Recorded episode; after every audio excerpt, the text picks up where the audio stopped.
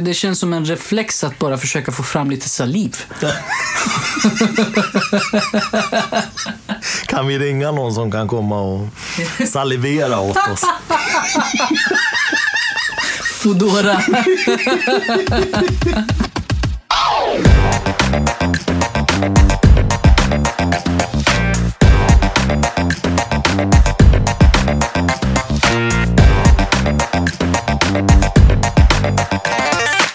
allihopa och varmt välkomna till ett nytt avsnitt av Rörsut med mig Hanif Sabsevari. Hörni, ni är väldigt många som har kontaktat mig via mail och via sociala medier och visat er uppskattning för de provningsavsnitt som vi har haft hittills och det uppskattar jag verkligen supermycket. Så i det här avsnittet kommer ni att få ta del av en mega vinprovning som är uppdelad i en massa olika delar. Först och främst ska vi vertikalprova tre olika årgångar av Barolo Serralonga di Alba från vinproducenten Fontana Fredda. De tre olika vinerna kommer vi att testa i fem olika uppsättningar av glas. Och som om det inte vore nog kommer vi att avsluta provningen med att äta olika charkuterier och ostar till det äldsta vinet i testet.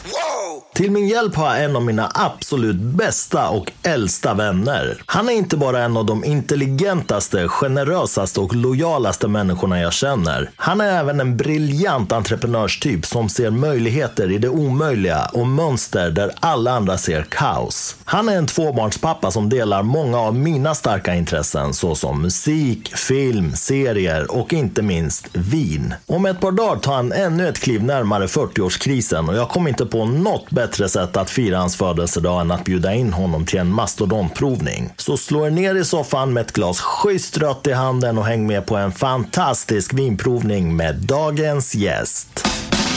Siavash Habibi. Siavash, Ja, varmt välkommen till Rörsut. tack. Jag känner vi är bägge lite så här fnittriga som eh, två eh, pojkar som ska få spela sin första fotbollsmatch inför mamma och pappa och vet att de är Ronaldo och Messi. Så här väldigt ödmjukt. Ja, Tack för att du har tagit dig tid att vara här och ha sin absolut bästa kompis på en podd på det här sättet och prata om någonting som vi bägge älskar. Det blir inte så mycket bättre. nej, det blir inte så mycket bättre. Jag kan, alltså, jag, tack för att jag får vara med. Och jag har längtat, som jag har sett fram emot det här. Eh, framförallt för att, för att dela det här med dig, men också som, som du sa, att vi båda älskar vin. Det, här, det ska bli superspännande. Ska vi berätta lite först för lyssnarna vad det är vi ska göra idag? Ja, Den 2 februari fyller ju du år. yes. Nu är det ju en lördag när vi spelar in där. Det är 30 januari. Och jag tänkte att det finns ju inget bättre sätt att fira dig än att få spela in där och göra en helt fantastisk vinprovning. Så det vi ska göra idag är att vi ska göra dels en vertikalprovning av tre viner. Och en vertikalprovning är ju som jag har förklarat i något tidigare avsnitt eh, när man provar samma vin från samma vinproducent fast från olika årgångar. Och idag ska vi testa tre Barolo från eh, Fontana Fredda, stora och kända producenten. Det är en flaska från 2016, en från 2015 och en från 2003. Och inte nog med det, vi kan ju aldrig hejda oss eh, som bekant. Vi tänkte när vi ändå ska göra det här, varför inte passa på att göra en glasprovning också? Så vi ska testa fem uppsättningar glas också av olika tillverkare och på olika prisnivåer. Och som om det inte vore nog så ska vi också äta en himla massa godsaker till. Så det här kommer egentligen bli tre olika provningar på en och samma kväll. Jag bävar lite inför längden på det här avsnittet. Jag tror att det kan bli ett sånt där avsnitt som inte får plats någonstans eh, där ute i universum. Men eh, jag tar risken. Det kanske blir ganska långa stunder av tystnad där vi bara äter. En väldigt bra anledning till att du är med i den här podden också. Jag tycker att du har ett så hälsosamt perspektiv på både mat och vin. Eh, du har ett otroligt tacksamt konsumentperspektiv. Jag minns, vi hade ju en eh, Rioja-provning där du och jag och Pierre, som också har varit med i podden nu ett par gånger. Pierre och jag satt ju och letade noter och ja, verkligen grävde in oss i vårt eh, dike som vi alltid gör. Och du var lite mer så här, ah, men det är gott det här. jag tycker det är gott. Eller jag tycker inte det är gott. Och någonstans kan jag tycka att det där är ett väldigt sunt perspektiv. För någonstans börjar en vinupplevelse i det faktum att man tycker att det är gott, förhoppningsvis. Det är den mest basic grejen man kan ha i åtanke när man dricker vin. Innan man ens börjar leta efter noter och dofter och allt det där. Är det gott? Mm. Om det är gott, varför är det gott? Därifrån kan man jobba sig vidare. Och man kan också vända på det. Det är inte gott. Okej, okay, varför är det inte gott? Det är alltid en väldigt bra startpunkt. Så jag, jag, tycker att det här ska bli väldigt kul att du sitter här med ditt perspektiv. Och jag vill absolut inte att du ska förändra det på något vis. Det kan vara lätt att kanske hamna lite i min där eh, doft och smakhittarfällan. Men jag tycker att det är väldigt värdefullt om du bibehåller ditt eh, sunda perspektiv på saker och ting här. Och är helt ärlig. Det tycker jag ska bli väldigt intressant. Ja, nej, men jag ser fram emot det. För att som du säger, jag, jag, kan i alla fall avgöra om jag tycker om det eller inte. Sen är det spännande att utforska de grejerna. Jag tror att tidigare, och just den gången som du nämner med, med eh, Pierre också, då kunde ni, eh, ni, ni, kunde identifiera dofter och smaker som jag inte hade identifierat än. Men efter ni nämner det så, så fanns det en sannolikhet att jag också skulle hitta det. Om jag inte hittar det så så är det, men jag hittar inte den. Jag vet inte vad ni tar om. Och, och jag ska försöka hålla mig ärlig där också. Att, att håller jag med om att jag hittar de grejerna, då, då, kommer jag säga det. Och håller jag inte med så, så har jag inte hittat det, helt enkelt. Ja, men exakt. Och det, det kommer, hela den här provningen kommer nog manifestera väldigt mycket av det jag har försökt lyfta fram i de tidigare avsnitten. Bland annat just i det avsnittet som handlar om bra vin. Just att man har olika förutsättningar. Man har inte samma uppsättning Eh, kanske av smaklökar som jobbar på samma sätt. Man har kanske inte lika mycket, många dofter och smaker i sin doft och smakbank. Man kanske har det, men man kanske inte minns dem just när man luktar och smakar på ett vin. Det kan vara så många olika parametrar. Jag tycker att vi sätter igång. Ja. Då är det första vinet som vi ska testa en 2016 års Fontana Fredda Barolo Serra Lunga di Alba. Det här finns då givetvis på Systembolaget. En eh, stabil klassiker som kommer år efter år. Artikelnumret är 73604, alltså 73604. Kostar 179 kronor och har 14 procent alkohol. Det är då såklart en 100 procent Nebbiolo. Jordmånen är kalksten märgel blandat med sand. Vingården ligger på 300-400 meters höjd i syd-sydvästligt läge i Serralonga di Alba i Piemonte. Druvorna skördas i början av oktober. Vinifieringen är 15 dagar på ståltank i 30-31 graders värme. Musten ligger sedan kvar med skalen i ytterligare 15 dagar för att extrahera de polyfenoliska substanserna. Japp, det får man gärna googla om man vill. Nej, det de gör då, de här substanserna, att de sätter igång den malolaktiska jäsningen. Och egentligen är ju det här ingen jäsningsprocess utan en omvandling av syror med hjälp av olika bakterier och enzymer. Så när vinet har jäst en första gång och uppnått rätt alkoholhalt så låter man det ibland jäsa då en andra gång för smakens skull och för att stabilisera vinet. Processen omvandlar vinets äppelsyra till mjölksyra, vilket gör vinet mjukare och tillför ytterligare doft och smakämnen. Så det är den malolaktiska jäsningen. Om vi ska gå tillbaka till vårt vin så lagras det ett år på barriker från Allier och ett år på Botti, alltså 2000 liters ekfat, också från Allier och minst ett år på flaska. Det här vinet bör såklart lagras, gärna minst 8 till 10 år. Går alldeles utmärkt att lagra ännu längre. Men vi ska ju göra en vinprovning här nu så att vi bryr oss inte om det där riktigt. Utan vi testar och ser ändå hur det här smakar. Vilken process! Ja, det är inte jättelätt att, att få fram ett vin. Det är inget man gör i trädgården hemma.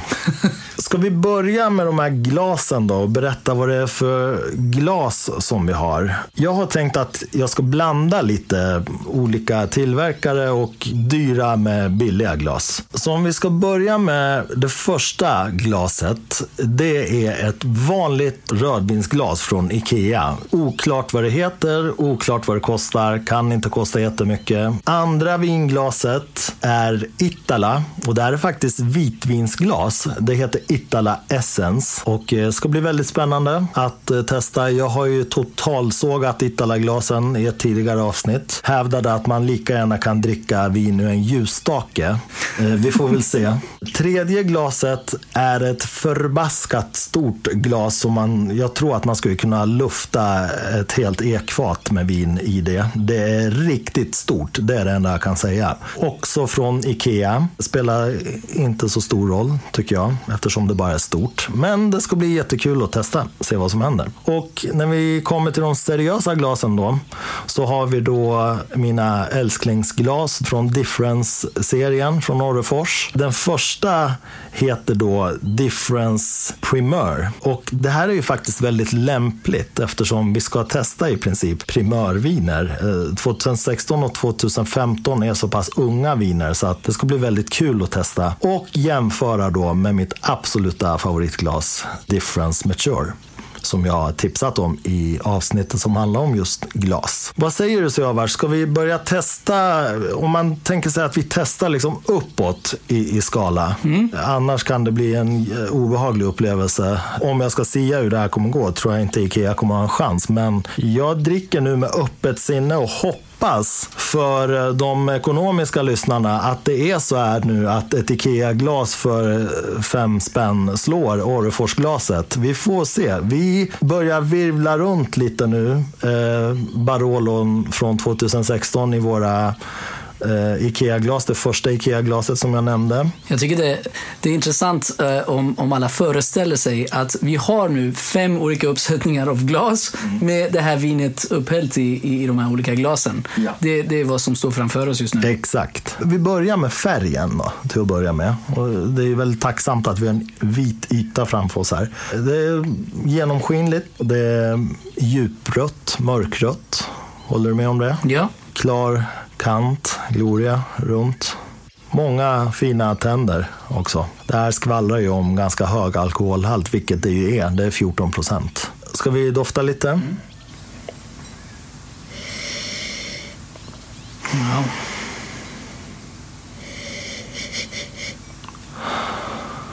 Känner du några dofter? Ja, absolut. Lakrits i... Mm. Ja, lakrits känner man absolut. Mm, är det söt eller salt lakrits skulle du säga? Jag vill nästan säga någonting emellan. Det är inte riktigt, det är inte salt-salt lakrits. Eh, men jag känner av lite utav saltlakritsen. Mm, det är faktiskt ganska bra beskrivning. Det är någonstans emellan där. Mm. Det är en lakrits som har svårt att bestämma sig vad den är för någonting. det är lakrits med identitetskris.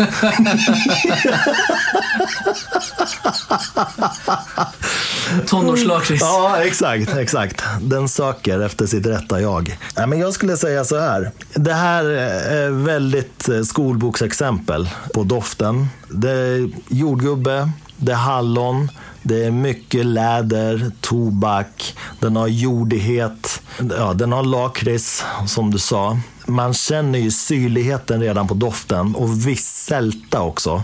Ja, saltet känner jag. Mm, exakt. Jordigheten har inte riktigt kommit till den nivån eftersom det är så ungt vin att, att det har börjat övergå i champinjoner, löv, alltså den typen. Det kommer med åldern oftast. Det känns mer som blomjord om du, om du tänker. Ja, jag, jag känner av någon örtighet men jag kan inte sätta fingret på det. Helt rätt. Den är absolut örtig. Här har du släng av timjan och även dragon. Och lite oregano också. Ja, oregano, exakt. Precis. Ja, mer än det tycker jag inte man behöver lokalisera just nu. Men imponerande att man får fram så här mycket dofter i det här glaset. Det får man ändå säga. Det kom som en stark överraskning. Ja, faktiskt. Ska vi ta och sörpla lite? Ja. ja. Skål! Skål!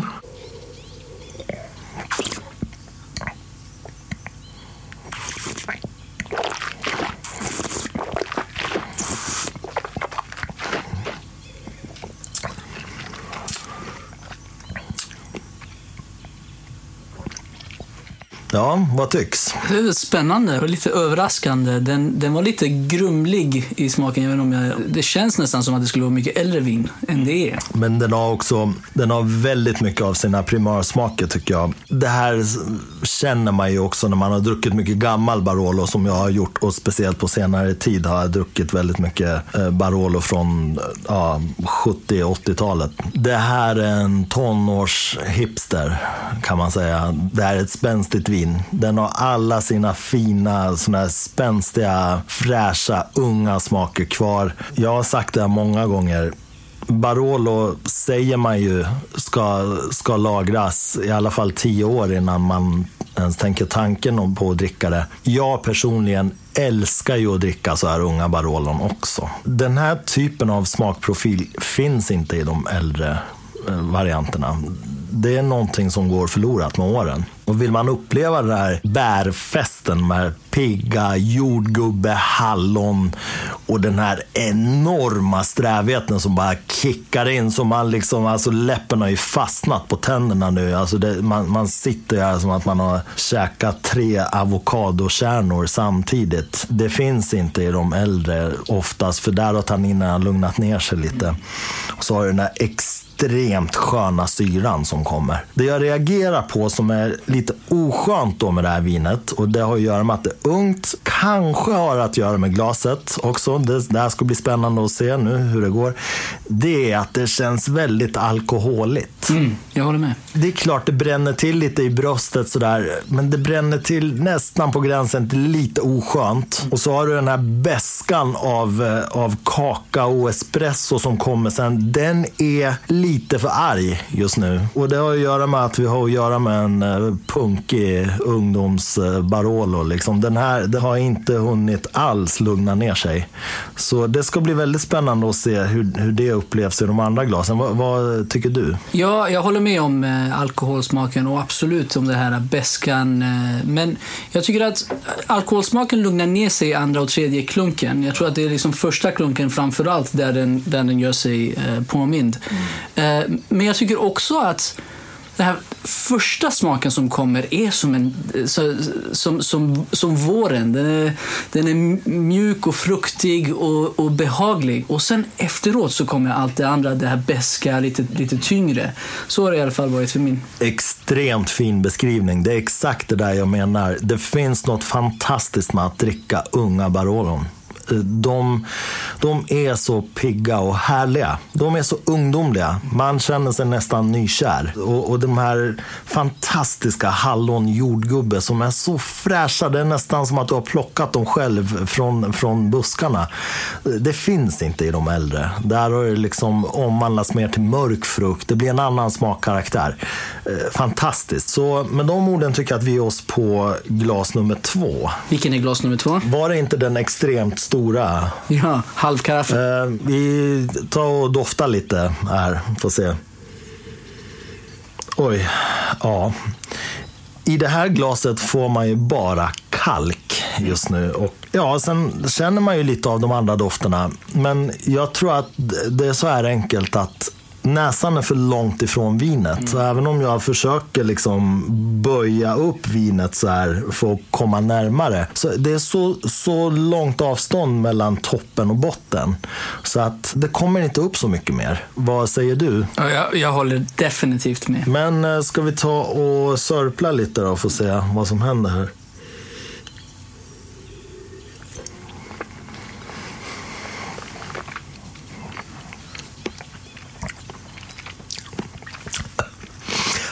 Uh, jo. ja, det var illa. Åh, herre min jösses, vad hände där? Du, det här var ju katastrof. Ja. Det, vad är det vi drack precis? Alltså, Inte samma vin. Nej, det smakar bara lite surt och det fanns ju ingenting att plocka upp. Det smakar bara alkohol, lite beskt och strävt och surt. Ja, det var illa. Riktigt illa. Jag tycker vi tar lite vatten efter det här för att försöka nollställa oss. Men hela poängen med den här provningen är ju precis det här.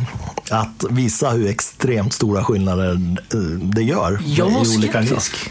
Du var skeptisk? Jag var skeptisk först, att det skulle vara skillnader överhuvudtaget. Men eh, Ja, nej, du kommer få äta upp det. Jag kan meddela att det är lika klart som att solen skiner väldigt sällan i Sverige att vinglas gör skillnad för vin.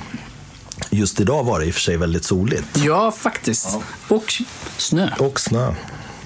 Ja, då ger vi oss på eh, de här eh, Itala-glasen som är så fantastiskt fina att titta på. Det har jag verkligen alltid tyckt. Men som jag personligen har eh, så här, haft väldigt svårt att uppskatta själva drickupplevelsen i. Vi får se om den här provningen kan ändra på det. Ska vi dofta lite här och se? Alltså det är väldigt svårt att känna någonting överhuvudtaget. Det är som en extremt blek variant av det första IKEA-glaset. Man får lite dofter, men det är väldigt tillknäppt. Jag försöker dra ut någonting, men det går inte. Jag håller med. Man får absolut inte samma respons eh, som, som eh, första glaset som vi tog. Men det, det, det jag får är mycket mer av det här kära tobakhållet än, än det söta. Ja, men då har du rätt i. Och märk väl, det kan vara så här att vissa skulle tycka om att dricka till exempel väldigt smak och doftrika viner i ett sånt här glas för att lugna ner det lite. Dämpar det lite. He- ja, helt enkelt inte få hela paketet utan de kanske gillar själva grundkaraktären men tycker att det blir lite för mycket. Ja, på doften skulle det vara ett bra tips då att testa dricka i det här glaset. Ska vi sörpla lite och se vad som händer?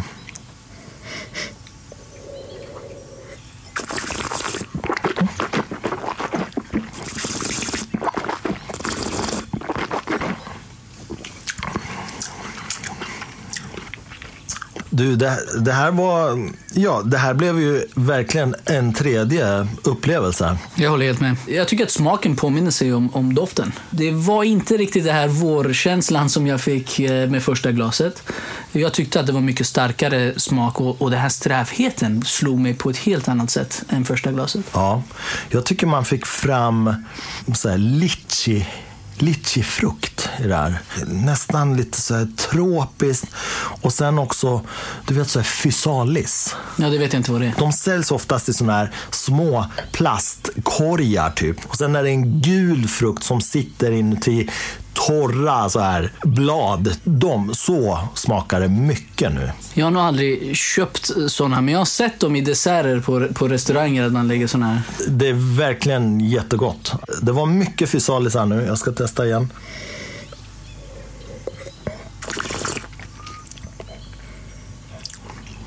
Röda äpplen. Röda vilda äpplen. Jag, jag känner inte igen lichin och jag, fysalisen kommer jag inte ihåg hur de smakar, men de röda äpplena känner jag absolut. Det, det gör jag. Och, och lite nästan också hallonhållet eh, just den här gången. Absolut. Jag tror att jag ödmjukt ska äta upp lite av min kritik gentemot Itala och säga att det här var absolut intressant smakupplevelse för den lyfter ju också fram någonting som inte fanns hos de andra. Grunden fanns där och vi hittade faktiskt lite nya noter också. Ja, från, från ett utforskarperspektiv så håller jag absolut med. Men från ett smakperspektiv så skulle jag gärna vilja fortsätta, fortsätta utifrån det första glaset. Jag är helt enig. Det första glaset har hittills gett en härligast smak och doftupplevelse och som jag upplever gett en mest rättvis bild av vinet. Så än så länge leder femkronorsglaset kan man säga. Ja. Ska vi testa Orrefors Difference Primör? Ja, spännande. Ja, och det här primörglaset från Orrefors är också då liksom mitt absoluta favoritglas som vi kommer till sist. Designat av Erika Lagerbjälke. Och det här primörglaset är ju till då för yngre röda viner. Eh, så det här ska bli otroligt intressant att se vad som händer. Ska vi dofta lite här. Nu kommer väldigt mycket örtighet fram i det här glaset känner jag. Det, det, de, alla de här örterna som vi sa, timjan, oregano och, och dragon. Väldigt mycket sånt är det nu. Faktiskt inte så mycket frukt, ärligt talat. Ja, jag känner, jag känner mer av det här. eh, Dels kalk. Ja, kalken eh, känner man. Men igen, mycket av mer åt eh, tobakhållet. Men också så här, känner du av de här, du vet de här beska körsbären? Ja, ja Eh, unga beska körsbär, ja, precis. det- Som, som inte ens är röda ibland, utan de är typ gröna. De håller på att bli röda. Liksom. Ja, det, det smakar nästan som de här körsbärsbitter eh, som, som man har i drinkar ibland. Lite, Ja, men absolut. Ja, men ska vi smaka lite? Se. Det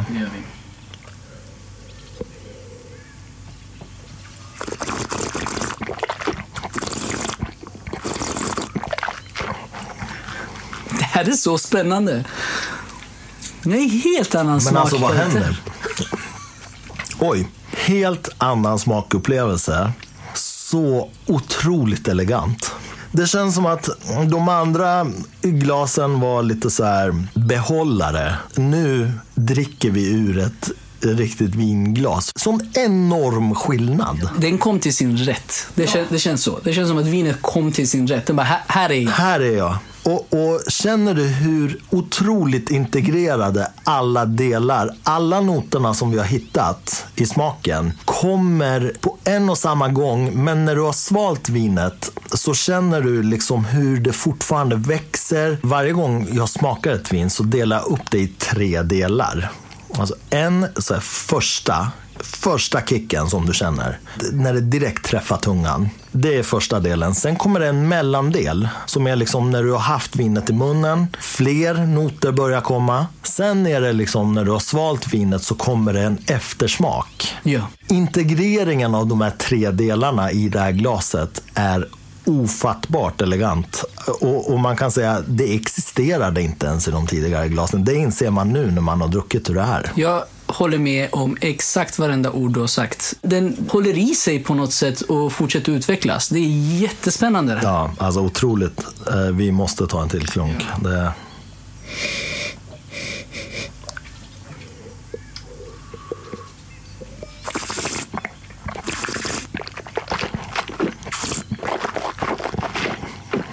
Gisses. Man vill liksom bara sänka hela flaskan när man dricker ur den. Ja.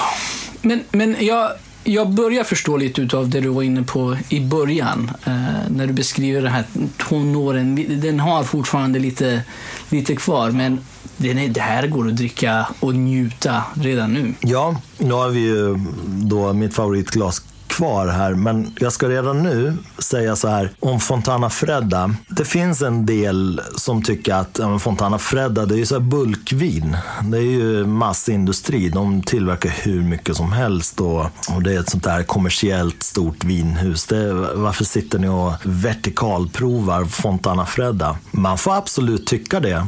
Det ligger väl någonting i det också. De är ett stort vinhus som har hållit på väldigt länge eh, och eh, släpper väldigt mycket flaskor, absolut. Men det är ju också så här, hitta den konsekventa, fina kvaliteten. Här har du viner som är extremt lagringsdugliga. Jag har druckit gamla Fontana Fredda, alltså vi pratar gamla flaskor från tidiga 80-talet.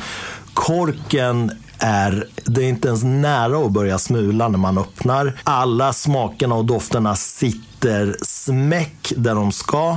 Så långt ifrån liksom, oxiderade, defekta flaskor man kan komma. Det här är kvalitet. Och vi ska vara glada att Fontana Fredda finns att köpa överallt. Man må tycka att det är bulkvin, men de levererar otrolig kvalitet till det här priset. Alltså, en bra Barolo ska inte kosta så här lite.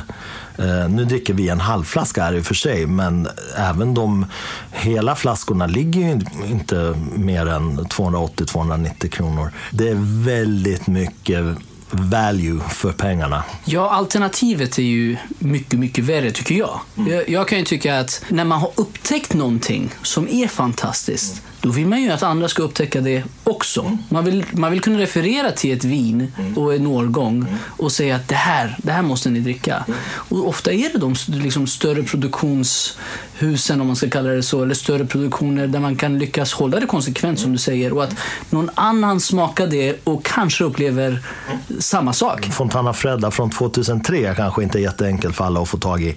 Men 2015 och 2016 kan man absolut få tag i, än så länge i alla fall. Och jag tyckte att det skulle vara värdefullt att testa just vin från en vinproducent som väldigt många känner till och som faktiskt går att få tag i väldigt enkelt än att vi skulle sitta här och testa väldigt obskyra viner som ingen kan få tag i. Jag tycker också att det roliga blir då också att själva glasprovningen här nu blir så intressant när man har ett vin som faktiskt alla kan få tag i. För nu kan man ju testa det här hemma. Nu kanske inte alla har precis de här glasen, men vinerna kan ju de flesta få tag i nu.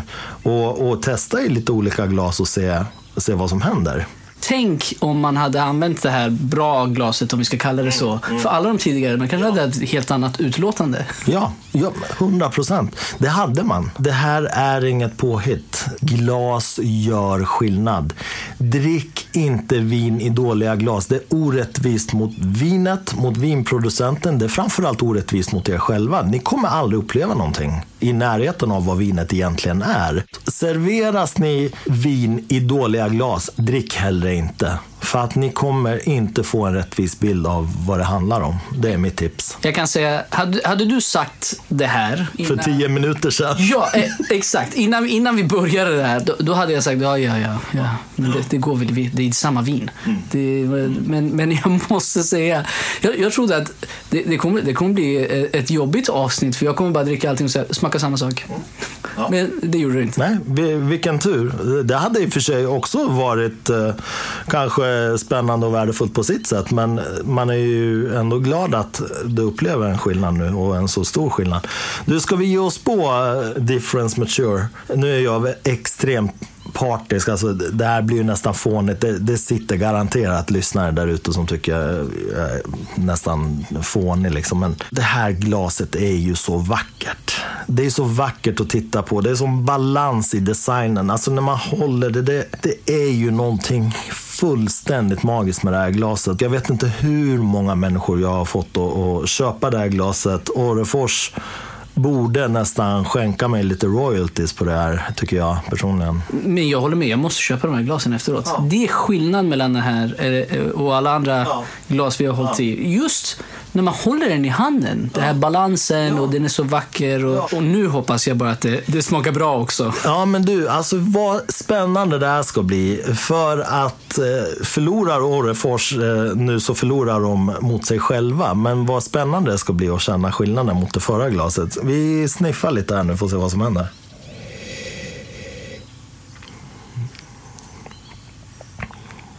Nu förstår man ju varför de har gjort ett glas för yngre viner och ett glas för äldre viner, då, mognare viner som vi nu testar.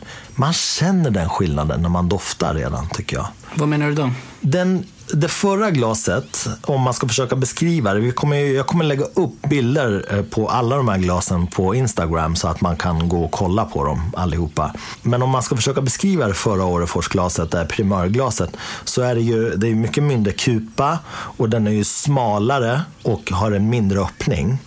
Vilket gör att för ett yngre vin som kanske inte har den här mognaden och bredden riktigt i de här mogna dofterna så koncentrerar den på något vis doften och skjuter den uppåt på ett annat sätt.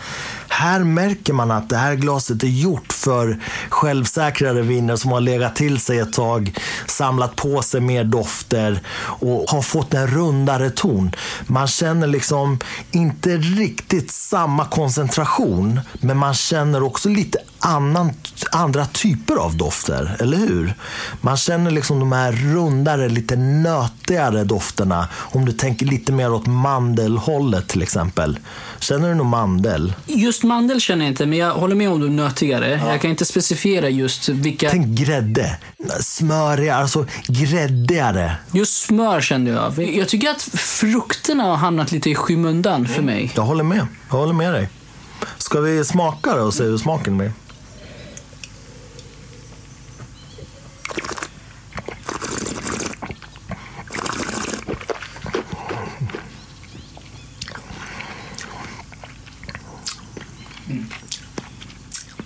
Oj. Ja, spännande. Frukterna kom fram. Ja, i smaken. Ja. Absolut. Men du, jag ska helt välvilligt erkänna att baserat på det här så tycker jag att för det här vinet tycker jag nästan att det förra glaset är lämpligare. Jag håller helt med. Och det här handlar inte om att jag inte tycker att uh, mitt älsklingsglas är levererat. Det levererar. Det, är det finns ingen som hade blivit besviken på att dricka det här vinet ur det här glaset. Men när man dricker dem efter varandra på det här sättet så inser man ju plötsligt också att det finns en poäng i att det kanske görs olika glas. Och här måste jag väl också så här äta upp lite av vad jag har sagt. Jag förstår att man gör olika glas till olika typer av viner. Det jag tycker är lite konstigt i just Riedels fall, det är ju just där när, man, när det blir för många sorter. När man börjar göra eh, glas till en druvsort från nya världen och gamla världen. Där kan jag kanske tycka att det spårar ur lite grann. Men däremot att det finns den här typen av olika uppsättningar för yngre viner, äldre viner, vitt vin, rött vin, det kan jag absolut förstå. Och här märker vi ju verkligen vad det är som händer. Ja, och, och, och jag förstår det nu. Eh, jag håller helt med. Förra glaset, vinet kom till sin rätt. Här kommer andra smaker fram, igen. Och jag, jag, jag kan säga att det är topp tre, det här glaset. Någonstans eh, mellan första glaset och, och, och det här är det, är det ganska jämnt för mig. Men glaset innan, det här eh, eh, primör, eh, den var by far bäst. Jag håller helt med. Jag tror att för vanare lyssnare som har druckit många äldre viner och mognare viner om de gör exakt den här provningen kommer de förstå faktiskt exakt vad vi pratar om. Om jag ska försöka förutspå så tror jag att 2003an kommer nog smaka bättre i det här sista glaset. Man känner att det är gjort för mognare viner. Det är bara så. Den här större kupan, den är gjord för viner som har legat till sig ett tag. Medan den här smalare kupan med den mindre öppningen i primörglaset, den är helt perfekt. Den lyfter fram det absolut bästa ur det här unga vinet. Om vi ska försöka rangordna dem då, vad säger du? Om du, om du börjar med den sämsta först. Den sämsta Eh, det, det var det största glaset. Det här Ikea ja. halvkaraffen. Ja. Dinosaurien. Dinosaurien. Sen eh, näst sämst, eh, men inte så dålig, var Italan. Och sen så kan man säga delad eh, andra plats eller tredje plats mellan första Ikea-glaset och, och det här Orrefors eh, otroligt vackra glaset. Uh, nej, vet du vad? Jag måste säga att den här kommer på andra plats och Ikea kom på tredje plats. Mm. Nu, nu när jag tänker efter. Men första plats är absolut den här uh, för, för, för uh, yngre vinner. Jag är i princip överens med dig. Jag förstår verkligen varför du tar med det första Ikea-glaset i, i topp tre. Egentligen tycker jag väldigt lika. Jag skulle bara vilja byta plats på det glaset och Itala-glaset faktiskt. Inte för att jag tycker att Itala-glaset eh, kanske tog fram lika mycket smaker och dofter som, som det här första Ikea-glaset. Men det är någonting när man dricker vin så har det också väldigt stor betydelse hur tjockt glaset är, tycker jag. Det första Ikea-glaset är för tjockt. Den här läppkänslan är inte där för mig. Det känns billigt när man dricker ur det glaset. Det, det är nästan som att dricka ur en plastmugg i känslan. Liksom. Det är för tjockt. Och där är ju Itala-glaset ändå bättre. Och jag tycker att det lyfter fram intressanta dofter och, och, och smaker på sitt sätt. Och det är lite kul att det är ett vitvinsglas. Det vi kan konstatera fullt ut, det är att det sämsta glaset var definitivt, eh, låt oss kalla det för dinosaurien, så vet vi alla vad vi pratar om. Det största glaset. Och det bästa glaset var Orrefors Primör för det här vinet. Jag tycker inte att det här eftersmaken blir lika komplex som, som glaset innan och jag är nyfiken på om du upplevde samma sak. Du menar att eh, eftersmaken i primörglaset var mer komplex? Ja. Ja, men absolut. Hela smakupplevelsen var mycket rikare och hade fler nyanser eh, i primörglaset. Det är ing- de här människorna vet vad de håller på med. Det kan man gott konstatera. Det är ingen slump att det där är ett primörglas som är gjort för unga viner. Och det, det är en himla tur att vi som konsumenter kan uppleva och verkligen förstå. Jag har fått ny respekt eh, och igen, jag är jag är ganska novis när det kommer till eh, vinprovning, men det gör jättestor skillnad, det vet jag nu. Hör du, eh, ska vi nöja oss med vin 1 eh, här? 2016 års Barolo Serra Lunga de Alba från Fontana Freda. och gå vidare till 2015 av exakt samma vin och samma producent. Vet du att ärligt talat tycker jag nästan att det här ska bli den mest intressanta. Och mellan 2015 och 2003 är det ju så många år. Det är klart att det kommer ha gjort sitt. Men det ska ju bli otroligt intressant att se ett års skillnad vad det gör. Ja, verkligen. Det ska man dock påpeka då att det, det här vinet var på halvflaska. Det gör sitt. För att nästa vin som vi ska dricka 2015 är helflaska. Hade vi haft tillgång till magnumflaskor, dubbelmagnum, trippelmagnum, vad du vill. Varje typ av flaska hade gjort skillnad. Det är så, du ser väldigt skeptisk ut just nu. Men det, tänk på det på det här sättet. Tänk bara de här glasen, vilken skillnad de har gjort. Och så tänker du, flaskor är glas. Det, det enkla som man kan tänka är så här. Hur lagrar man vin? På stora ekfat. Nu finns de i olika storlekar. De finns i barriker, i bottis. Ja, allt ifrån 200 liter upp till 2000 liter. Förmodligen finns det ännu mindre och eh, ännu större också såklart. Det säger ju sig självt när de buteljeras sen, om du, om du lagrar ett vin på halvflaska så blir det inte riktigt samma sak som om du skulle lagra det i en 6 liters flaska. Det gör jättestor skillnad. Jag har ju redan tipsat om det här. Ska man lagra vin ska man absolut inte lagra halvflaskor. Det är totalt meningslöst tycker jag personligen. Det kommer inte alls ge en rättvis bild av vinet. Utan helflaskor, har man utrymme, har man råd, Magnum. Dubbelmagnum. Du vet vad jag säger om allting. More is more. Större är bättre. Då får vi se vad 2015 säger.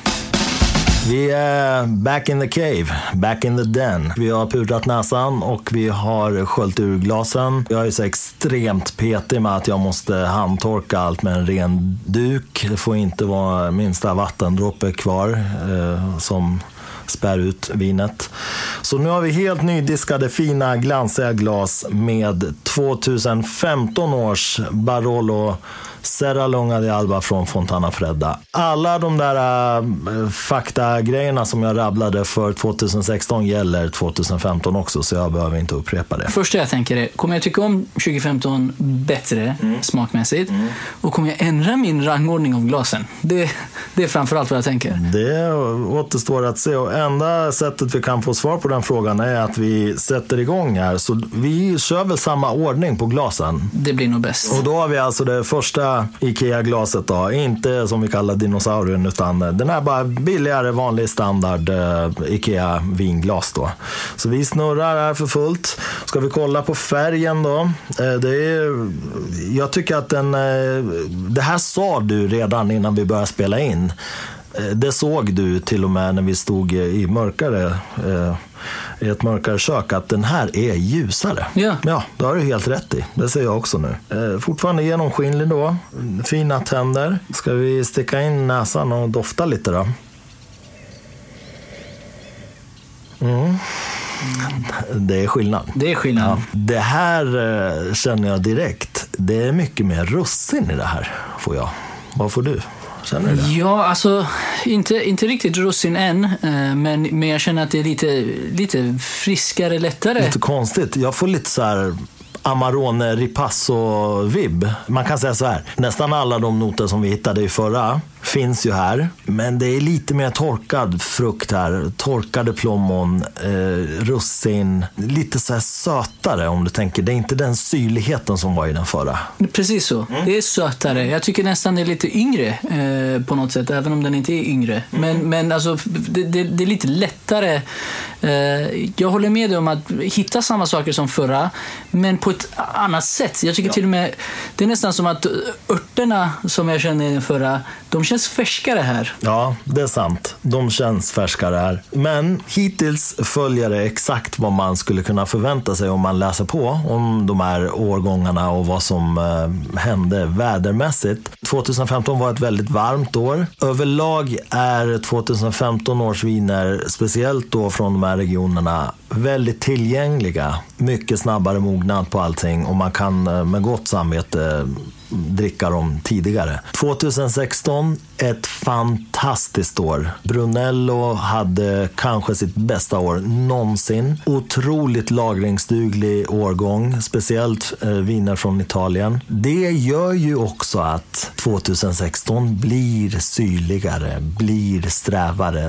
Eh, 2016 års viner från de här regionerna har de där egenskaperna som krävs för att man ska lagra dem länge. Medan här känner vi direkt det här är någonting annat. Det är mer torkad frukt, mer sötma, mindre syrlighet. Jag tror att strävheten kommer nog finnas där, men det är skillnad. Jag tycker det är så coolt när du säger torkad frukt. Jag vet exakt vad du menar. Jag hade inte identifierat det själv, men jag, tycker, jag, jag, jag, vet, jag vet direkt. Hur du, ska vi smarra lite? Ja. ja skål! Skål.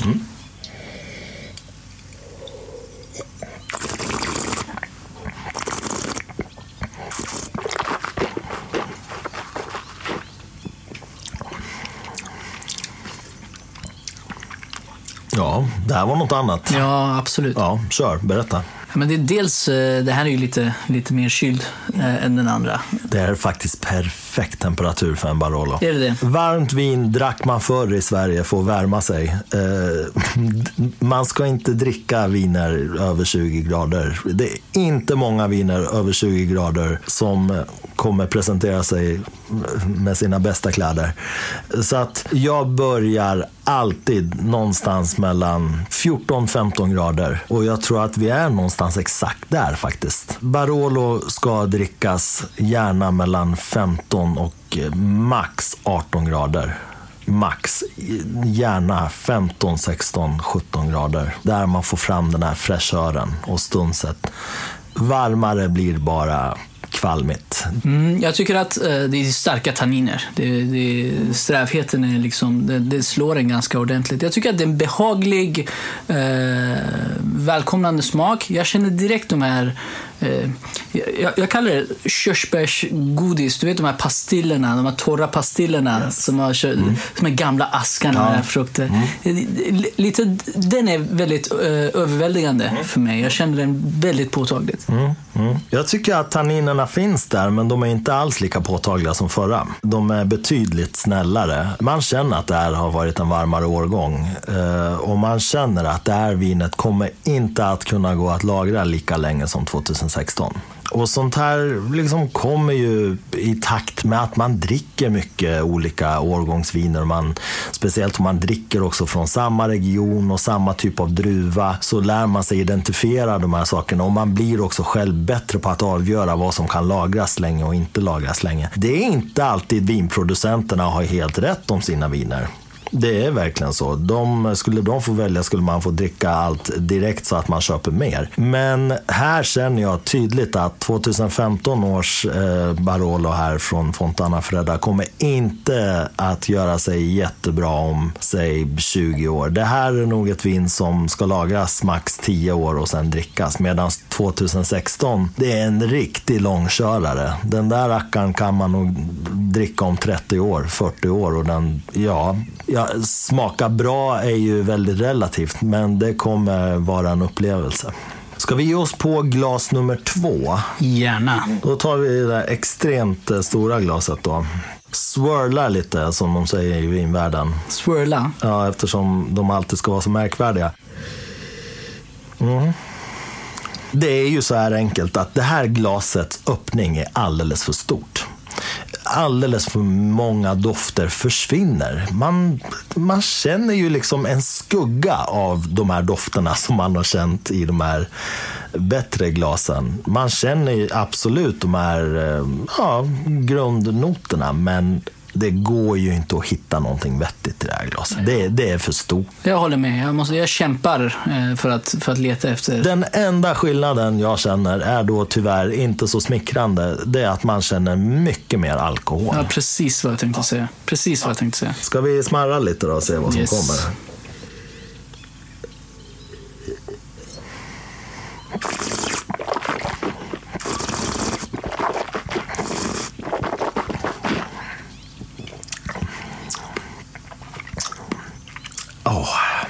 Nej, det här är ingen angenäm upplevelse. Det här är inte kul överhuvudtaget. Fantastiskt att vi verkligen kan så tydligt illustrera vilken enorm skillnad det blir. Det är som att dricka ett helt annat vin. Nu ska jag vara taskig. Det är som att dricka ett boxvin där. Det smakar boxvin. Det smakar inte bra där. Alltså, jag vill nästan gå och säga att boxvin smakar bättre. ja, så nu dricker inte jag boxvin, men de få gånger jag har gjort det så, ja, det kanske var så. Nej, jag håller med dig. Det är inte behagligt, det är inte gott. Vinet kommer inte till sin Nej. rätt. Nej. Eh, Det är synd om vinet. Det är synd om vinet. Nu är det Itala Essence. Som ju var eh, vitt, vitvins... Vitvinsglaset, Ja. precis. Om vi ska dofta lite här först då. Mm. Så spännande att den gör exakt samma sak som den gjorde förra gången med, med 2016 års upplaga. Den har något härligt över sig ändå, tycker jag. Den lyfter fram väldigt eh, ja, egna dofter. Återigen, det är mer nötigt nu. Och de här torkade tonerna kommer fram mycket bättre. Att det kan vara så stor skillnad. Ja. Det är helt otroligt. ja. Vet du, jag, jag, jag, jag, får inte fram, jag får inte fram den. Den funkar inte för mig. Jag, jag förstår vad du menar. Den är ju liksom lite tillknäppt. Eh, Ja. De örtiga tonerna hamnar ju längst ner. Man får ju nästan så här hänga ut ett rep från näsan för att dra fram dem. Liksom. Alltså, men det den gör, som säga, inget av de andra glasen gör, att den skjutsar fram den här, de här nötiga, torkade tonerna väldigt väl. På ett helt annat sätt än, än vad något av de andra glasen gör. Men det är ju en väldigt obalanserad doftupplevelse. Och det är väl det som är grejen med de här Orreforsglasen. Att de de ger ju ett så balanserat intryck. Det är ingenting som, blir, som det blir mer eller mindre av, utan allting hänger ihop och man fiskar upp allting nästan på samma gång. Jag känner av lite så här besk mandel. Eh, Ja, bittermandel. Ja, bittermandel, så kanske exakt. heter. Ja, bittermandel. Exakt, det- exakt, det har du helt rätt i. Och den har ju också romrussin, om du tänker det så. Ja, Mm. ja, ja men absolut. Men den har ju så här, det är så intressant, den har, den har väldigt mycket så här ripasso, ripasso amarone-dofter i sig. Jättehärligt. Och väldigt förvillande. Så här. Hade jag blindat där hade jag nog varit lite förvirrad faktiskt. Alltså jag måste tillbaka till romrussin. Nu när du säger det kan jag inte lukta något annat. nej. Det är jättehäftigt. Ja, ja. ja men ska vi smarra lite? Ja. ja skål. Skål.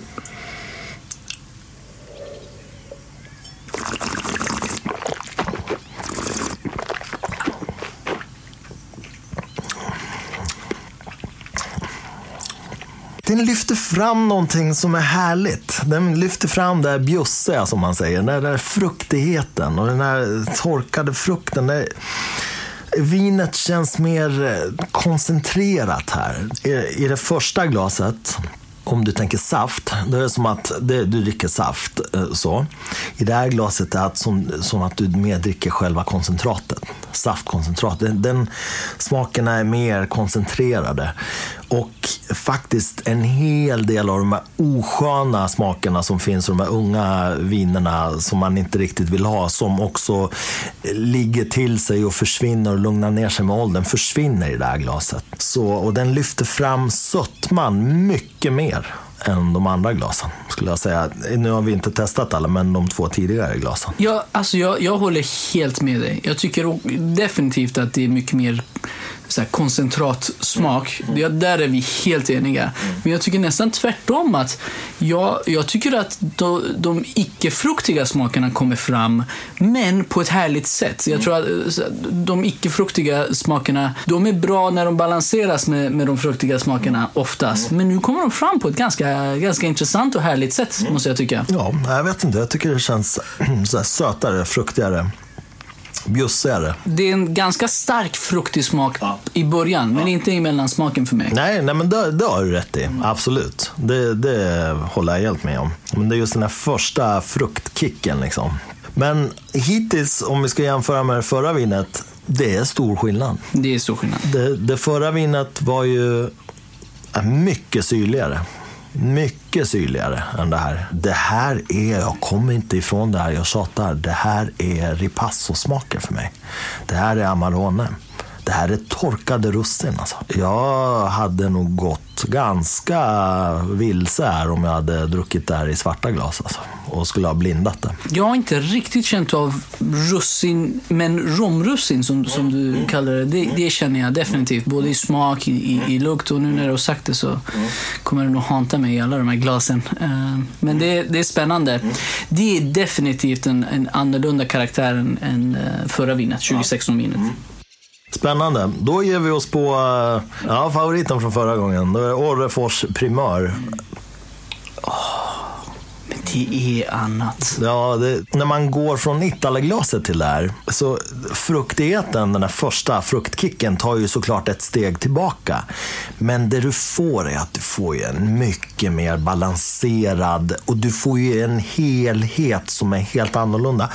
Den här örtigheten som nästan var helt frånvarande i de andra, här kommer den. Liksom. Här kommer de här eh, torkade örterna igen som vi kände i förra vinet. Skillnaden är som att kolla på någonting med eller utan glasögon. Du ser alla nyanser, du ser skuggorna, du ser färgerna. Helt plötsligt bara öppnar upp sig här. Ja, alltså det, det är en hel bild. Ja. Eh, I, I de andra så letar jag efter, efter dofterna. Vad är det jag hittar här?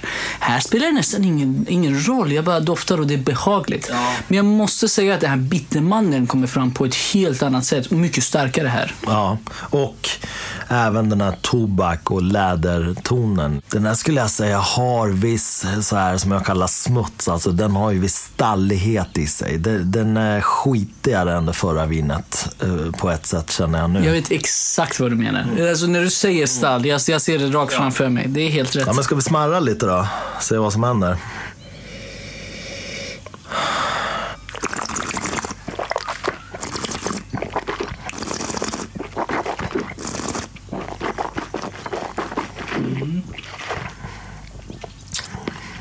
Alltså, är det samma vin? Åh herregud, strävheten. Jag kan inte ens prata. Mm. Alltså läppen har fastnat. Den är nästan på gränsen till att vara ännu strävare än förra vinet. Det kände jag ju inte alls i de tidigare glasen. Jag tyckte det var alltså nästan så osträvt. Nu bara... Supersträvt. Alltså det är som att käka en låda gröna bananer. Alltså det är tur att ni inte ser oss just nu, för jag grimaserar på tusen sätt. Jag har svårt att få fram ord eftersom min överläpp har fastnat på mina övertänder. Men smaken är rundare. Ja. I det här glaset känner jag nu att det, det är liksom, lagringspotentialen kommer ju också fram betydligt bättre. De här tanninerna behöver ju lugna ner sig. De behöver ligga till sig ett par år. Det här är barnarov just nu. Alltså det är för tidigt. Det är, det är väldigt, väldigt strävt. Ja, det är extremt strävt. Det är nästan som att ge eftersmaken. Man, man, man har svårt att fokusera på någonting annat. Det bara sitter där liksom som en puck i hela munnen. Ja, man, alltså det, det, känns som en reflex att bara försöka få fram lite saliv. kan vi ringa någon som kan komma och salivera åt oss? Fodora. nu har jag en teori. Berätta. Jag tror faktiskt att det här vinet i sista glaset kommer bli bättre. Kan vi, kan vi vänta så här 30 sekunder innan vi går till... Vi har, vi har gått så snabbt fram, känns det som. Absolut. Jag kommer bli lite tipsig här. Det, det är meningen, höll jag på att säga. Det, det är en positiv eh, bieffekt. Ja.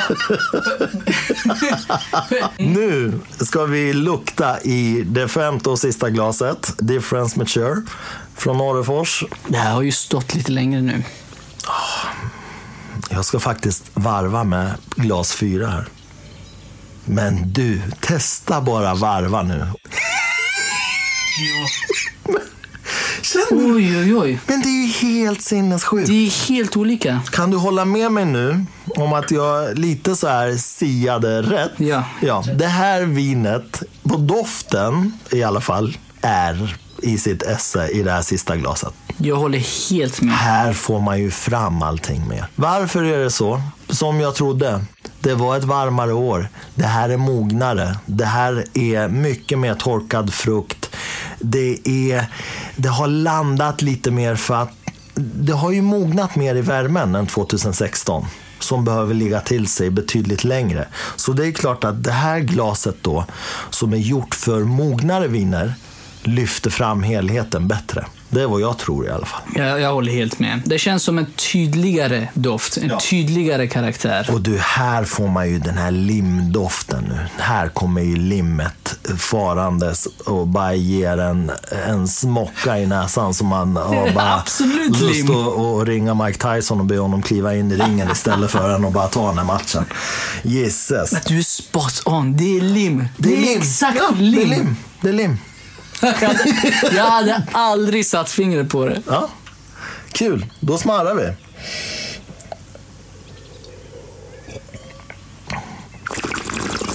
Ja.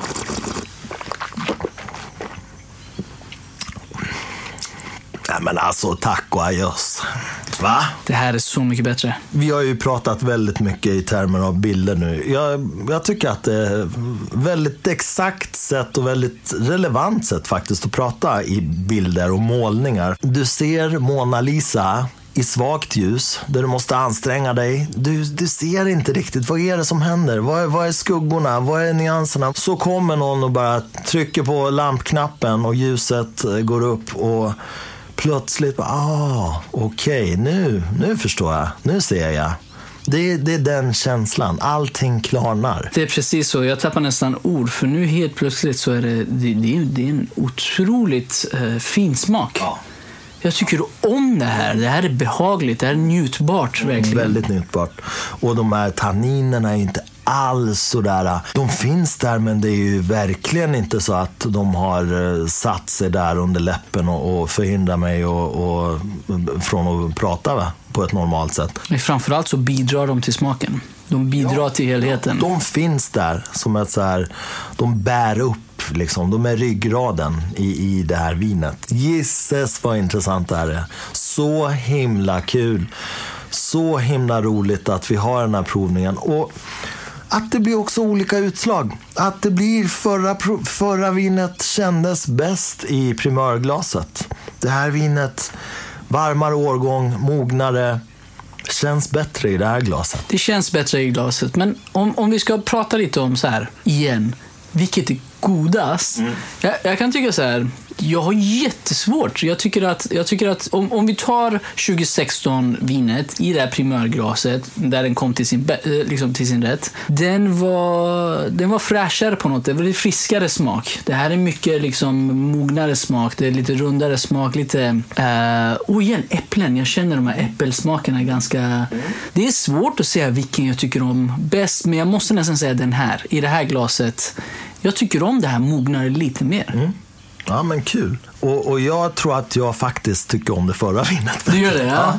För att, alltså, ta mina pengar liksom. Det, det, det är klart jag tycker det här är gott, herregud. Det här är ju som att välja mellan en Ferrari och en Lamborghini liksom. Men eh, för mig, det förra vinet det är primörvin i sitt esse. Det, och speciellt primör Barolo. Så det där är ungdomlig, fräsch, syrlig, härlig Barolo. Motsatsen till det som jag har testat så många gånger nu i det här laget. De här gamla Barolorna från 70 80-talet som har legat till sig och blivit så här tunga som en jordiga, löviga, våta stenar. Otrolig karaktär. Men när man vill uppleva Barolo så här direkt, fresh off the barrel, så där smakar det. Så himla spänstigt.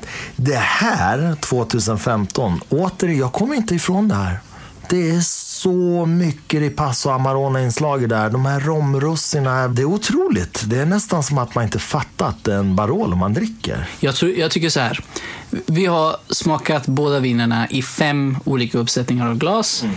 Och i fyra utav fem, mm. då tycker jag om förra vinet mer. Men i det här sista glaset, mm då, då gick den ikapp. Kul! Ja. Det är precis så här det ska vara. Smaken är som baken, den är delad. Det är jättehäftigt. Nu har vi 2003 kvar. Nu har vi 2003 kvar och det vi ska göra nu är att vi ska såklart eh, diska ur de här glasen. Jag ska stå och torka dem igen. Vi ska faktiskt också gå en liten promenix med, med mina två hundar här. Det tycker jag också är skönt. Det är en väldigt frisk och kall kväll. Man behöver komma ut, få frisk luft och dricka vatten. Det är väldigt viktigt också. Annars blir det så att man bara fortsätter plöja olika viner och, och till slut smakar faktiskt allting lite likadant. Okej, okay, då var vi tillbaka här i grottan igen. Nu har vi eh, rastat hundarna, tvättat ur glasen, fyllt på igen. Och hörni, jag glömde faktiskt berätta eh, lite eh, artikelnummer och sånt där på, på Fontana Fredda 2015 som vi drack här alldeles nyss. Det är Eh, 2305. 2305 kostar 289 riksdaler på Monopolet. Det är bara att traska dit och plocka för sig. Nu kommer ju pensionären i gänget här. 2003 års Fontana Fredda Barolo Sella Lunga de Alba. Väldigt tacksamt när man har den här vinproducenten att jag inte behöver sitta och rabbla en massa nya fakta här bara för att det är mycket äldre vin.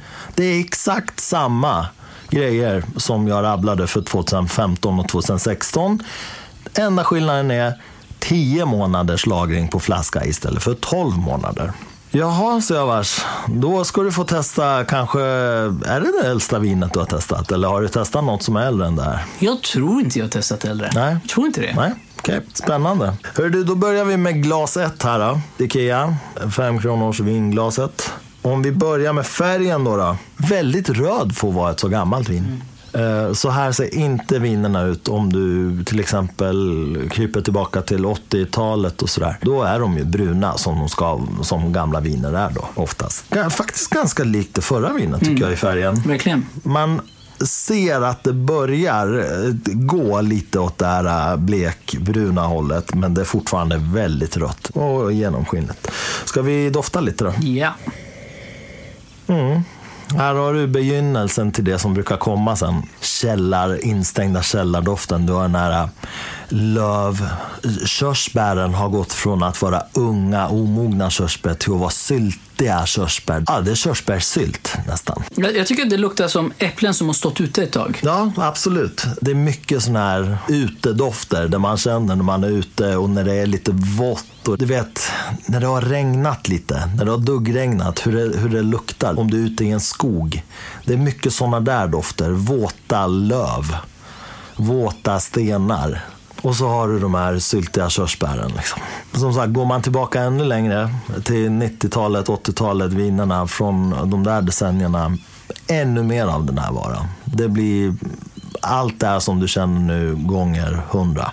Ja, för, för mig är det så här, lite, lite äppelskrutt, men, men på ett behagligare sätt. Lite lavendel känner jag. Ja, absolut. Ja, men absolut. Det har du rätt i. Den är lite parfymig sådär. Eh, och lite blommig också på något vis. Den har väldigt många av de här åldersmarkörerna i doften. Det här ska bli spännande. Mm. Skål då! Skål!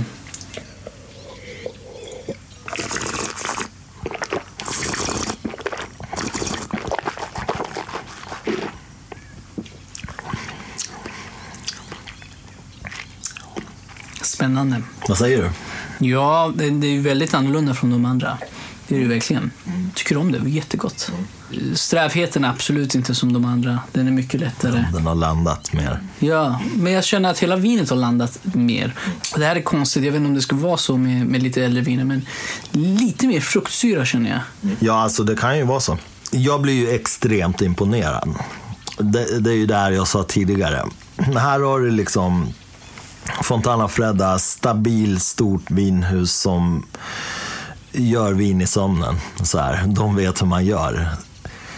Så otroligt besläktat det, det, här vinet är med de här nyare som vi har druckit. Du, du kan hitta DNA-strängen här. Liksom. Du kan hitta släktträdet. Du förstår direkt hur allt det här hänger ihop. Så häftigt att ha börjat med de yngre och sen landar man i, i liksom ett nästan eh, 20 år äldre vin. Du hittar alla generna i DNA-strängen fortfarande. Du hittar alla dofterna och smakerna som fanns där men du förstår vad som har hänt i flaskan på, på den här tiden. Ja, det, det är just det som är så spännande. Jag tycker nästan, nu i efterhand tycker jag det, det hade varit synd att inte ha testat de andra flaskorna.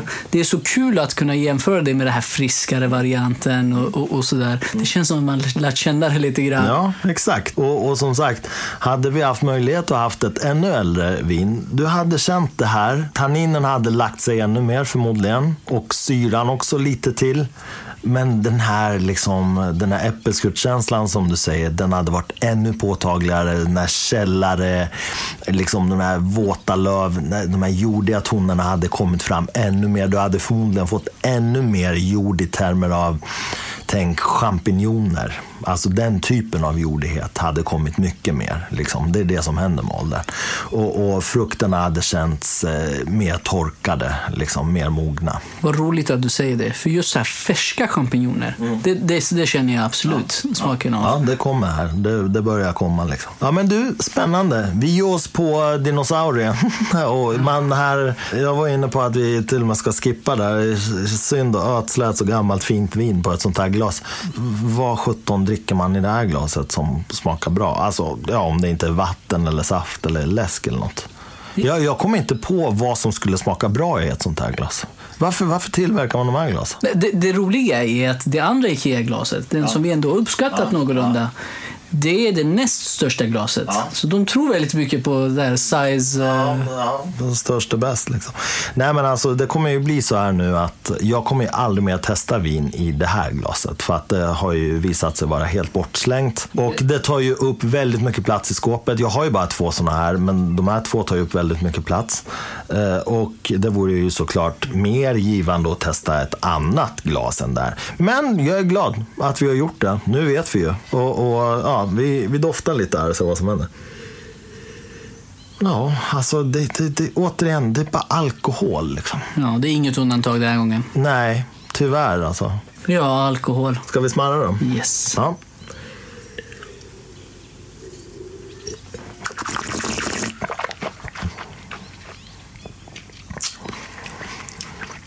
I och med att vinet i grunden är så pass bra och så pass gammalt så, så blir det inte lika katastrofalt som de tidigare vinerna.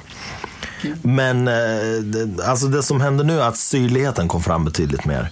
Men det är fortfarande så här att det, nej, det här, man ska inte dricka vin i, i det här glaset. Det är ju bara så.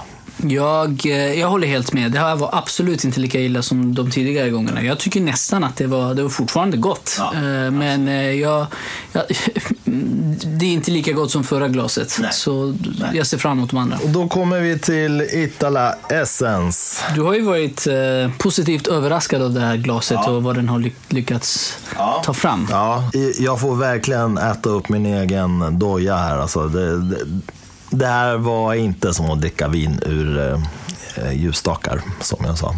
Lite väl spydigt i något avsnitt. Eh, vi ska lukta här och se vad som händer. Jag känner lite tropiska, nästan ananas. Ja, alltså jag, jag känner typ så här uh, skoputsmedel. Du vet, någon så här skovax. Ja, jag hittar inte riktigt det. Och så känner jag så här honung nu också. Men det, det är också så här bivax, ja, honung. Ja, ja, ja. absolut. Ja. Absolut mm. bivaxhonung, ja. Men också lite så karamelligt. Ja, exakt. så här äh, gräddkola typ. Ja, precis. Ja, nästan som så här gräddglass till och med. Ja. Vi smakar. Ja, skål.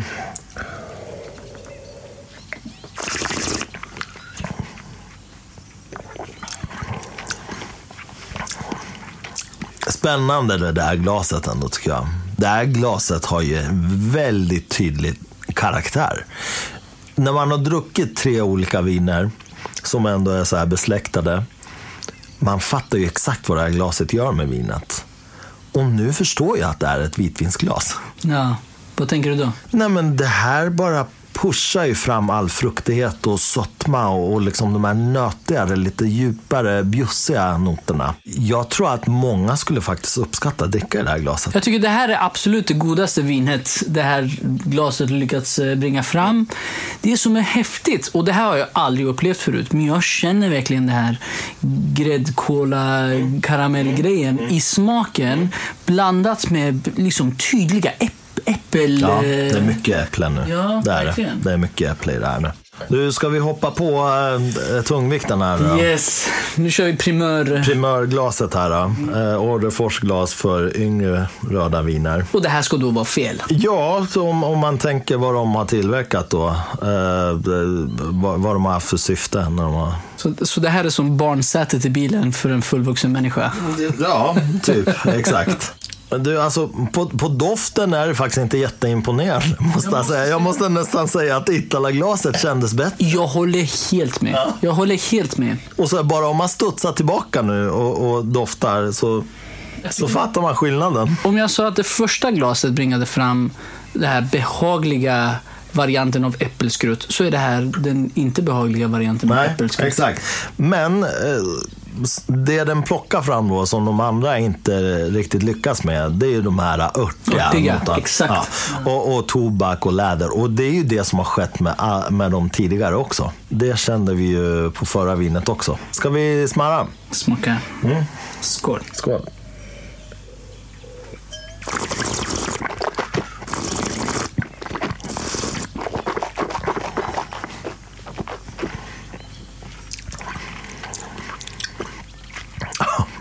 Ja, läppen bara, hallå? var, var är min läpp? Så var det inte i de andra glasen. prata. Det kom inte till sin rätt. Jag tyckte inte om vinet i det här, glaset, måste jag säga. Nej, jag håller faktiskt helt och hållet med dig. Det här är en mismatch. Och eh, då kan man ju konstatera att de har ju lyckats då. Ja, exakt. Exakt. Det ska, det ska ju inte vara bra och det var inte så bra. Det var inte så lämpligt. Faktiskt, jag är överraskad. Ja, Eh, ja. Jag hade förväntat mig att nu kommer det här glaset att Mm. sopa banan med... Nu, nu måste jag bara snabbt så smarra på Italaglaset igen. Oj. Ja, men vilken skillnad. Det är enorm skillnad. Jättestor skillnad. Vilken skillnad. Alltså frukten som det här glaset bär fram. På ett behagligt sätt. Ja, väldigt fint alltså. Väldigt Men fint. det är mycket höst. Det är mycket... Ja, men det, det är åldersnoter. Det är typiskt åldersnoter. Vet du, till och med den här Malbecen jag, jag drack igår från 95. Det var det här gånger hundra liksom. Det är klart en helt annan karaktär på, på själva smaken på vinet. Men de här noterna finns alltid där. Alltid när det blir äldre viner så kommer de här noterna. Spännande. Då så, hoppar vi på vår eh, bästa kompis eh, Favoritglaset. Ja, Orrefors uh, Mature. Difference Mature. Ja, hello.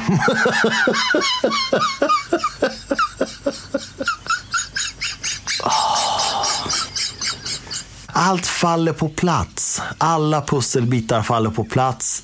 Eh, Plötsligt bara känns allting så himla rätt. Jag kan inte mer än att hålla med. Jag är nästan mållös hur mycket bättre. Det, och vi har inte smakat på den än. Nej, jag har inte smakat på den än. Men det, man vet att det kommer bli bra. Känner du någonting nytt nu i doften liksom, som inte har kommit fram med de andra? Nu känner man ju mycket tydligare vad det är för örter. Och det, där, här har du igen. Du har oregano, du har timjan, du har dragon. Du har faktiskt lite rosmarin också nu, skulle jag säga. Rosmarin? Vad ska det... Jag, jag är på så här, nästan på gränsen till dill. Nästan. Ja, kanske. Jag vet inte. Men, men vet du vad? Jag förstår vart du är på väg. Där också jättevanlig not. Kräftspad. Kräftspad? Ja, för där har du dill och kräftspad. Det brukar hänga ihop liksom. Ja. Ja. ja. Dillen för mig, om man ska försöka Ja. skilja dem åt. Dillen är mycket mer renodlad så här, ja men dill. Kräftspadet, det är så här, det har, det har den här sötman också. Den kan jag absolut känna. Ja, nu när du säger det så är det, jag, jag känner absolut den. Men mycket, mycket hav och salt. Och, ja, bra. Jättebra. Hav. Ja. Tång. Ja. Gamla vattendrag så här, som du går, som står still. Det är ingen rörelse. Det, det har legat lite. Det är lite så här, ja men unket. Men det här är klassiska åldersnoter. Så Är det här, det? ja. Nästa gång du smakar ett vin som är 20, 30, 40 år. Du kommer, du kommer känna igen dig så väl. Mm. De här noterna finns där. Nästan alltid. Ska vi smarra då? Alltså jag ser fram emot det här. Ja, där. Skål. Ska vi Skål. klirra också Det får vi göra. Åh, det här ljudet av munblåsta Orreforsglas.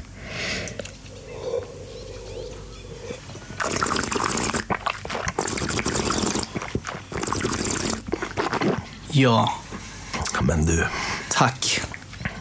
herregud. Ja, vad säger man? Tack och adjöss.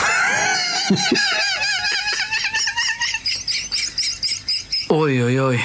Men vad är det som händer? Den var jättefin, men fortfarande ganska starka tanniner i slutet. Säga vad man vill, återigen alltså. Man, man kan sitta och spy alla över vinhus som, som tillverkar mycket vin och, och sådär. Men alltså vilken kvalitet alltså. 20 år på flaska, du har sån enorm fräschör och de här tanninerna. Och så väl bibehållen smak. Det är ju mycket det också. Du vet när du dricker riktigt gamla viner, alltså riktigt gamla, nu pratar vi 40, 50, 60-tal. Det där är en riktig gamble alltså. Jag menar om, om inte det är defekt, vilket det kan vara ganska ofta. De tillverkade ju inte riktigt på samma sätt på den tiden och de där korkarna är ju inte riktigt helt hundra med dagens mått mätt. Ibland har du ett fönster på fem minuter. Sen dör vinet. Det bleknar bort. Det kommer, smak, det kommer inte smaka någonting. Det kommer smaka så här, typ eh, vinäger. så det här, det här är ju kvalitet.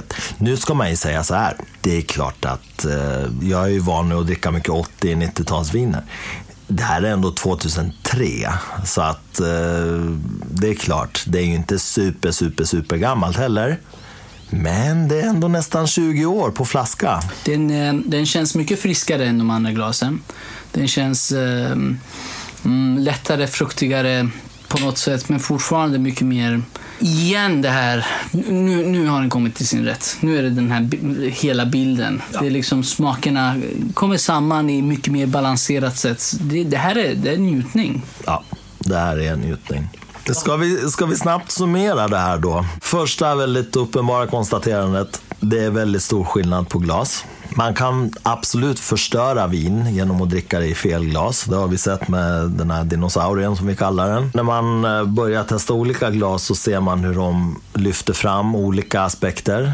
Men när man kommer till den här rätt kombination, det vill säga till exempel dricker då ett moget vin i ett glas som är gjort för mogna viner från en stabil tillverkare då är det inte att du hittar bara enstaka sidor av dofter och smaker. Du får hela paketet. Vinet visar upp sitt allra bästa jag.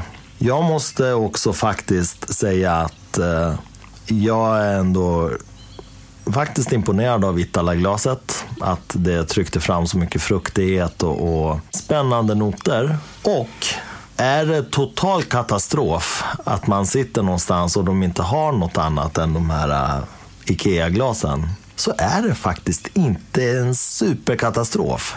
Det är en betydligt större katastrof om de bara har de här Bauta stora glasen. Då tycker jag att man hellre faktiskt ska skippa och dricka vinet. Det är en lesson learned. Om jag går till en restaurang och de ska flasha med de här Bauta-glasen, ja. då kommer jag säga tack men nej tack. Tack men nej tack. Men det som är spännande, precis som du sa om uh, Itala-glasen, den har ju varit mest konsekvent av alla glas. Faktiskt. Den gör sin grej. Nu kan man ju nästan förstå hur det kommer smaka innan man ens har smakat det. Den som var stor favorit blev nästan sämst i, i, i just det här äldre vinet. Italan höll sig i, i alla de här eh, ja, årgångarna. Den var konsekvent. Men får säga också så här, Orrefors, ni vet vad ni håller på med. Det, det slog inte fel. Det, visst, alltså Mature-glaset vann ju i två viner av tre. Men med det sagt så var det ju så här att det var ju tydlig skillnad när man drack de yngre vinerna i, i primörglaset och när man drack det äldre vinet i Mature-glaset så blev det ju bara bonanza. Liksom. Men för mig som är nybörjare, eller inte riktigt nybörjare, men ändå liksom hyfsat novis, som inte är så erfaren av att dricka äldre viner. Mm, jag måste säga, jag, jag fattar lagring på ett annat sätt mm. just nu. Jag fattar skärmen med lite äldre, nu har inte jag druckit 60-tal och 70-tal, men 2003, liksom hyfsat, 18 år. Ja. Det, är det är lång, tid, tid att ja. vänta på att få dricka någonting. Absolut, så är det ju. Men jag, jag fattar grejen nu på ett sätt jag inte fattade den förut. Mm. Kul. Det här programmet börjar ju verkligen skena iväg i längd. Jag tänker att vi snabbt ändå också ska eh, äta lite. Och då gör vi ju så här. Vi kan inte sitta och dra fem olika glas till, av tre olika viner till olika... Alltså det, det här programmet skulle bli eh, sju timmar långt. Då. Så vi gör så här. Vi har ju det här 2003 då.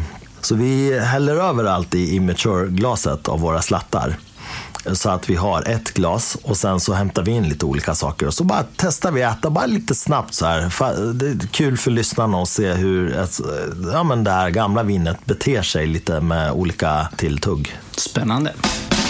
Siavash, berätta vad är det vi ser på våra tallrikar? Jag ska berätta. Mm. Okej, okay, så vi har lite ost. Inte vi har inte lite ost, vi har ganska mycket. vad har vi för ost? Vi har, vi har lite gruyère och så har vi lite sandagur och så har vi parmesan. Och så blev jag tipsad av en person på saluhallen i, i Östermalmstorg om eh, amerikansk ost. Sen så har vi lite skärk. Eh, vi har två olika sorters salami och en prosciutto. Mm. Sen har vi lite, kan du berätta om köttet? Ja. Det är ju så här, för alla som har lyssnat på förra avsnittet så minns de eh, min och Pierres Kroatien-provning eh, som vi avslutade med att bara häva i oss eh, så här 15 kilo cevapcici. Och det där var ju så brutalt gott. Så jag, jag kunde, jag, har, jag tror jag har ätit cevapcici varje dag sedan dess. Men vi har två olika sorters cevapcici här. En är lite mer paprikadriven. Och som Pierre berättade då, paprika är väldigt vanligt också eh, i, i det jugoslaviska köket. Anledningen till att jag har cevapcici är ju så här. Man ska ju möta lokalt med lokalt. Eh, det har vi gjort i skärken och det har vi gjort i parmesanen framför allt. Det är kul också att testa någonting annat. Och det är så här, vad kan gå fel? Det är lamm, det är kött. Vad passar inte till lamm? Vilket vin passar inte till lamm? Så här, systembolaget bara, allt passar till lamm. Så, så, det, så, det så här, det här kommer bli fantastiskt. Eh, jag tror att det kommer bli en riktig höjdare. Och så här, Jugoslavien, om jag nu obildat får klumpa ihop eh, de här många länderna till ett land för praktikalitetens skull, ligger ju inte jättelångt ifrån Italien. Det är ganska nära. Jag är så hungrig nu så att jag tycker vi bara kör på. Ja. Och då tycker jag så här, osten tar vi sist. Eh, för att eh, ost gör vad ost gör med vin. Jag tycker vi börjar med de här väldigt eh, klassiska chark-tilltuggen eh, här. Okej, okay, ska vi börja med prosciutton då? Det kan vi göra. Just nu känns det som att allt kommer vara supergott. mm, ja, det är klart. Mm. Mycket gris i den.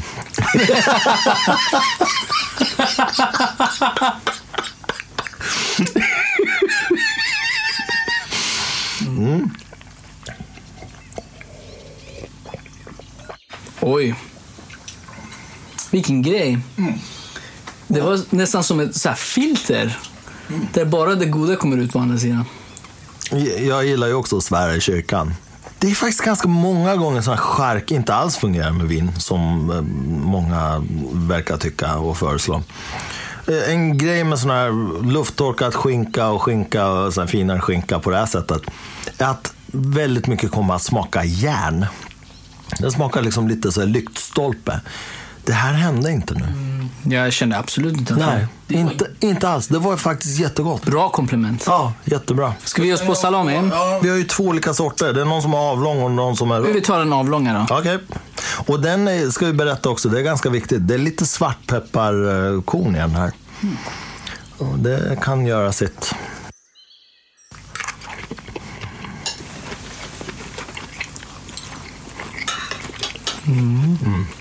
Ändå lite lättare salami. Mm. Jag tror att det här kommer bli bra. Så. Inte lika mycket gris. Nej. Nej, exakt. Lite mer ko i den.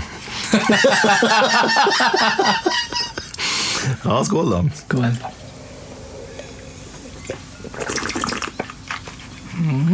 Vinet behöll väldigt mycket av sin karaktär.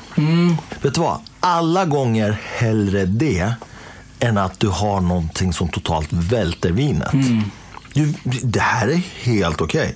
Du kan sitta och smaska i den här salamin, dricka vinet, salamin smakar salami, vinet smakar vinet.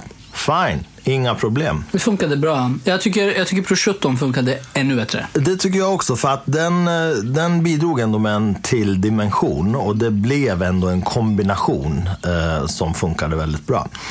Däremot tror jag att den här salamin skulle funka bättre till de yngre vinerna. För att den har en viss, den har en viss syrlighet i sig. Som skulle mötas upp av den här unga syrligheten i de vinerna lite bättre. Men vi ger oss på nästa salamisort. Den här har ju också någon så här örter i sig tror jag. Små korn. Men ja, det är inte mycket. Vi kör.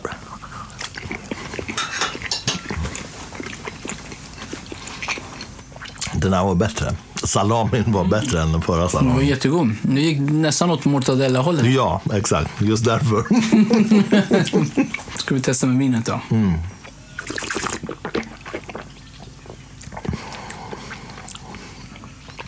Ja, spännande. Det var ju fänkål i den där salamin. Ja, precis. Ja. Och plötsligt så kom det fram någon sån skön fänkålston i vinet också. Riktigt spännande. Den fanns inte alls förut. Nej, jag tycker att det började bra. Sen skar den sig lite mot slutet för mig. Det, det var ju inte som man går ner i brygga. Nej. Det funkade, men eh, ja, ja sådär. Ja. Lite den. Nu har vi ost att se fram emot. Ja, men du vet du vad? Jag skulle hellre gå på köttet först. Ska vi köra köttet? Ja, det, det är så här. um, Här får du lita på mig. Eh, osten måste komma sist. Okej, så kör vi papri- paprika... Nej, kör den, kör den neutralare varianten först. okej. Mm, kör vi. Åh, herre min Jesus. Vad gott det var. Det är definitivt mer lamm i den än både ko och gris.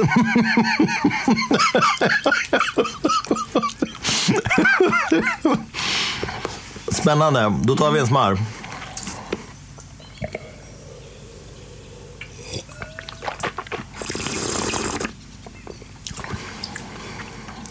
Det är så här, min inställning till att äta till vin, äta någonting till vin, det är så här, så länge det inte går åt helsike Ja. så är allt annat är bara bonus.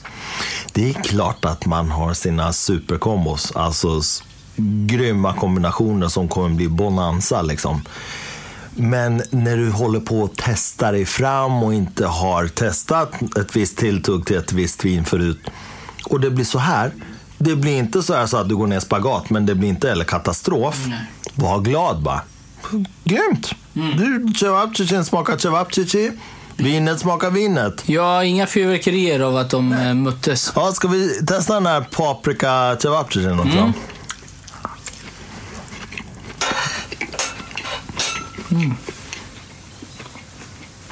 Helt annan typ. Det, det blir en cevapcici-prov nu. nice. Nu kör vi.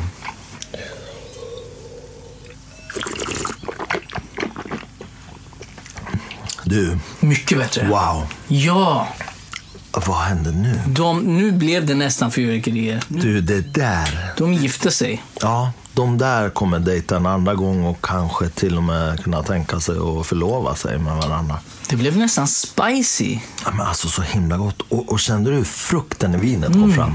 Så himla gott alltså. Det här var rätt. Det, där här var var rätt. rätt. Okej, hörru, ska vi ge oss på de här då? Ska vi börja med det mest här klassiska? Vi börjar med parmesanen helt enkelt. Och det är ju den där, precis. Nu kanske vi inte behöver tugga i oss hela den här biten, då kommer det ta en kvart innan vi har tuggat klart. Jo. Vi tar en liten bit liksom. Åh. Du vet alltså, umamin i en parmesan. Jag skulle kunna ta den på dropp liksom. När jag ligger och sover, bara skjuta in den i mina ådror. Den där tuggan var som en halv carbonara. Åh, det här kommer bli bonanza. Jag känner det på mig. Mm.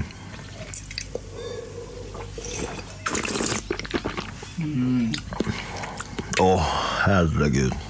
Ja, vet du vad? För, förra avsnittet då, när vi hade Kroatienprovning med kroatiska viner, då, då sa jag något i stil med att ska man vara lite krass så gör ju ost nästan samma sak med alla viner. Alltså vin och ost, jag vet att det är en väldigt populär kombo. Jag har själv lite svårt för den. För att jag tycker att väldigt många ostar bara totalt välter allting i ett vin. Och nästan alla viner smakar likadant. Det här blev faktiskt inte så. Det, det var mycket av vinen som kvarstod. Fruktigheten kom fram mycket mer. Eh, Det, ble, det var, här fattade man lokalt och lokalt vad det gör. Alltså, det var inte alls någon så här att vinet bara försvann och allting bara blev den här typiska ost och vinsmaken. Det jag är nyfiken på, det är, är det gott? Det behöver inte vara samma vin och det behöver inte vara samma ost. Men jag, är det gott? Det är därför du sitter här just nu. Spännande. Vad kul, för att ingenting av det vi har smakat hittills har förstört vinet. Nej. Ingenting. Och då undrar man, är det för att det är 2003-vin? Är det- Att, att den, liksom, den har hittat sig själv så rätt som en äldre människa att du kan inte, du kan inte riktigt korrumpera den. Ja, fast nej, jag tror faktiskt inte det. Så, så mycket mm, vin och mat har jag kombinerat så att jag vet att det definitivt finns gott om saker som hade fått det här vinet att bara sticka och gömma sig bakom soffan och, och skrika på hjälp. Jag tror att det är bara av den enkla anledningen att ja, de här tilltuggen som vi har är ju klassiska tilltugg till vin. Ska vi ge oss på nästa då? Ja. Också en hårdost. Det är gruyeren just nu. Ja. Det här är ju en av mina favoriter, måste jag säga. Man kommer behöva hjälp att gå härifrån sen. Jag måste säga, as gruyere goes, det här var en av de bättre gruyeren jag, jag har smakat. Nu ska vi testa det med vinet. Ja. Det, det, det förde fram lite lättare smaker, liksom huvudkaraktären i vinet försvann. Ja, det här tycker jag är ett klassiskt skolexempel på ost och vin. Vad som händer. Så här, människans kropp tycker om det här. Man, man, börjar ju inte, man börjar inte gråta av det här. Det finns smärtsammare upplevelser än att äta gruyère och dricka vin. Men det blir vad det blir när man äter ost till vin. Det smakar ost och vin ihop. Alltså lite så. Det här var den sämsta kombinationen för mig hittills. Inte för att det på något vis är äckligt eller så. Det är fantastiskt gott. Men vinet är helt borta. Du kan i princip dricka vilket vin som helst. Det kommer smaka lite likadant. Ja, för mig är det inte den sämsta kombinationen, men jag, jag förstår vad du menar. Jag, jag, jag tycker också att det är absolut inte samma vin längre. Och det, det kan vara så att vi, alla andra viner mm, skulle smaka så här. Ja, alltså du skulle kunna dricka Gato Negro på box och det skulle smaka likadant. Det, det, så, så illa är det. Så, så många gånger har jag försökt eh, övertyga mig själv om att det inte är så, så att jag vet att det är så. Men med det sagt, Ja. det var ganska gott. Absolut, absolut. Inget, eh, inget ont om det. Nu ska, vi, nu ska vi testa den här blåmögelosten här. Ja, det här är ju annorlunda från de andra. Ja, mjukost och mycket mögel i. Och det här är ju för övrigt då, då blåmögelost och eh, för er Amarone-lovers där ute. Jag är ju också frälst i, i ja, vettiga Amarone. Ja, har ni inte testat så testa. Det här är väl beprövat. De flesta Amarone och faktiskt Ripasso också funkar alldeles utmärkt till blåmögelost. kör vi. Yes. Det här kommer nog bli kaos, tror jag. Det här kommer inte bli så bra. Men vi testar.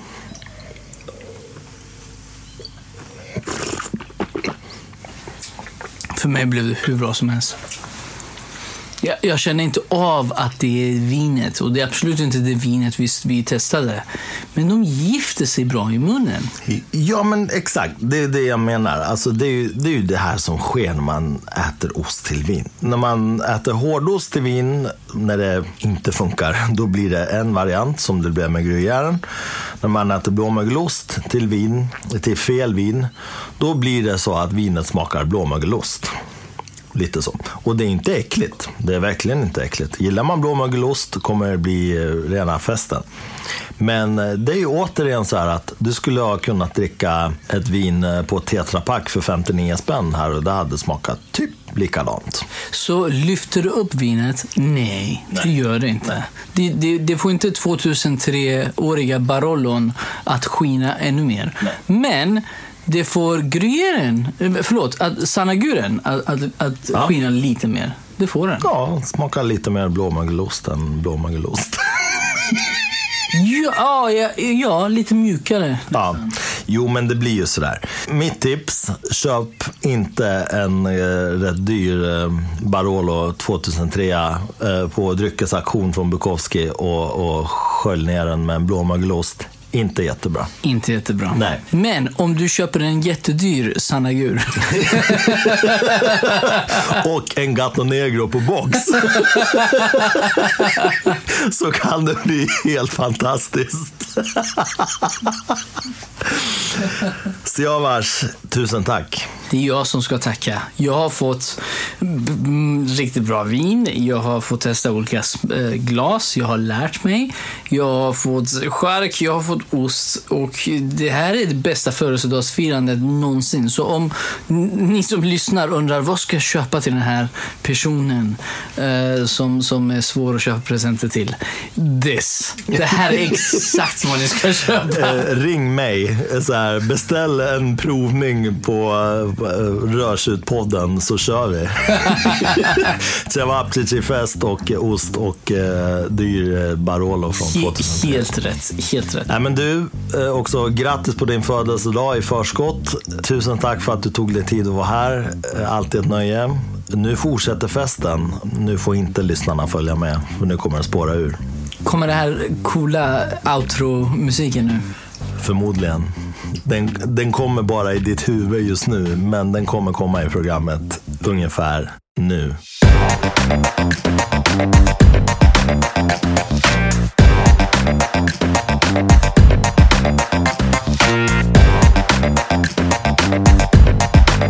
back.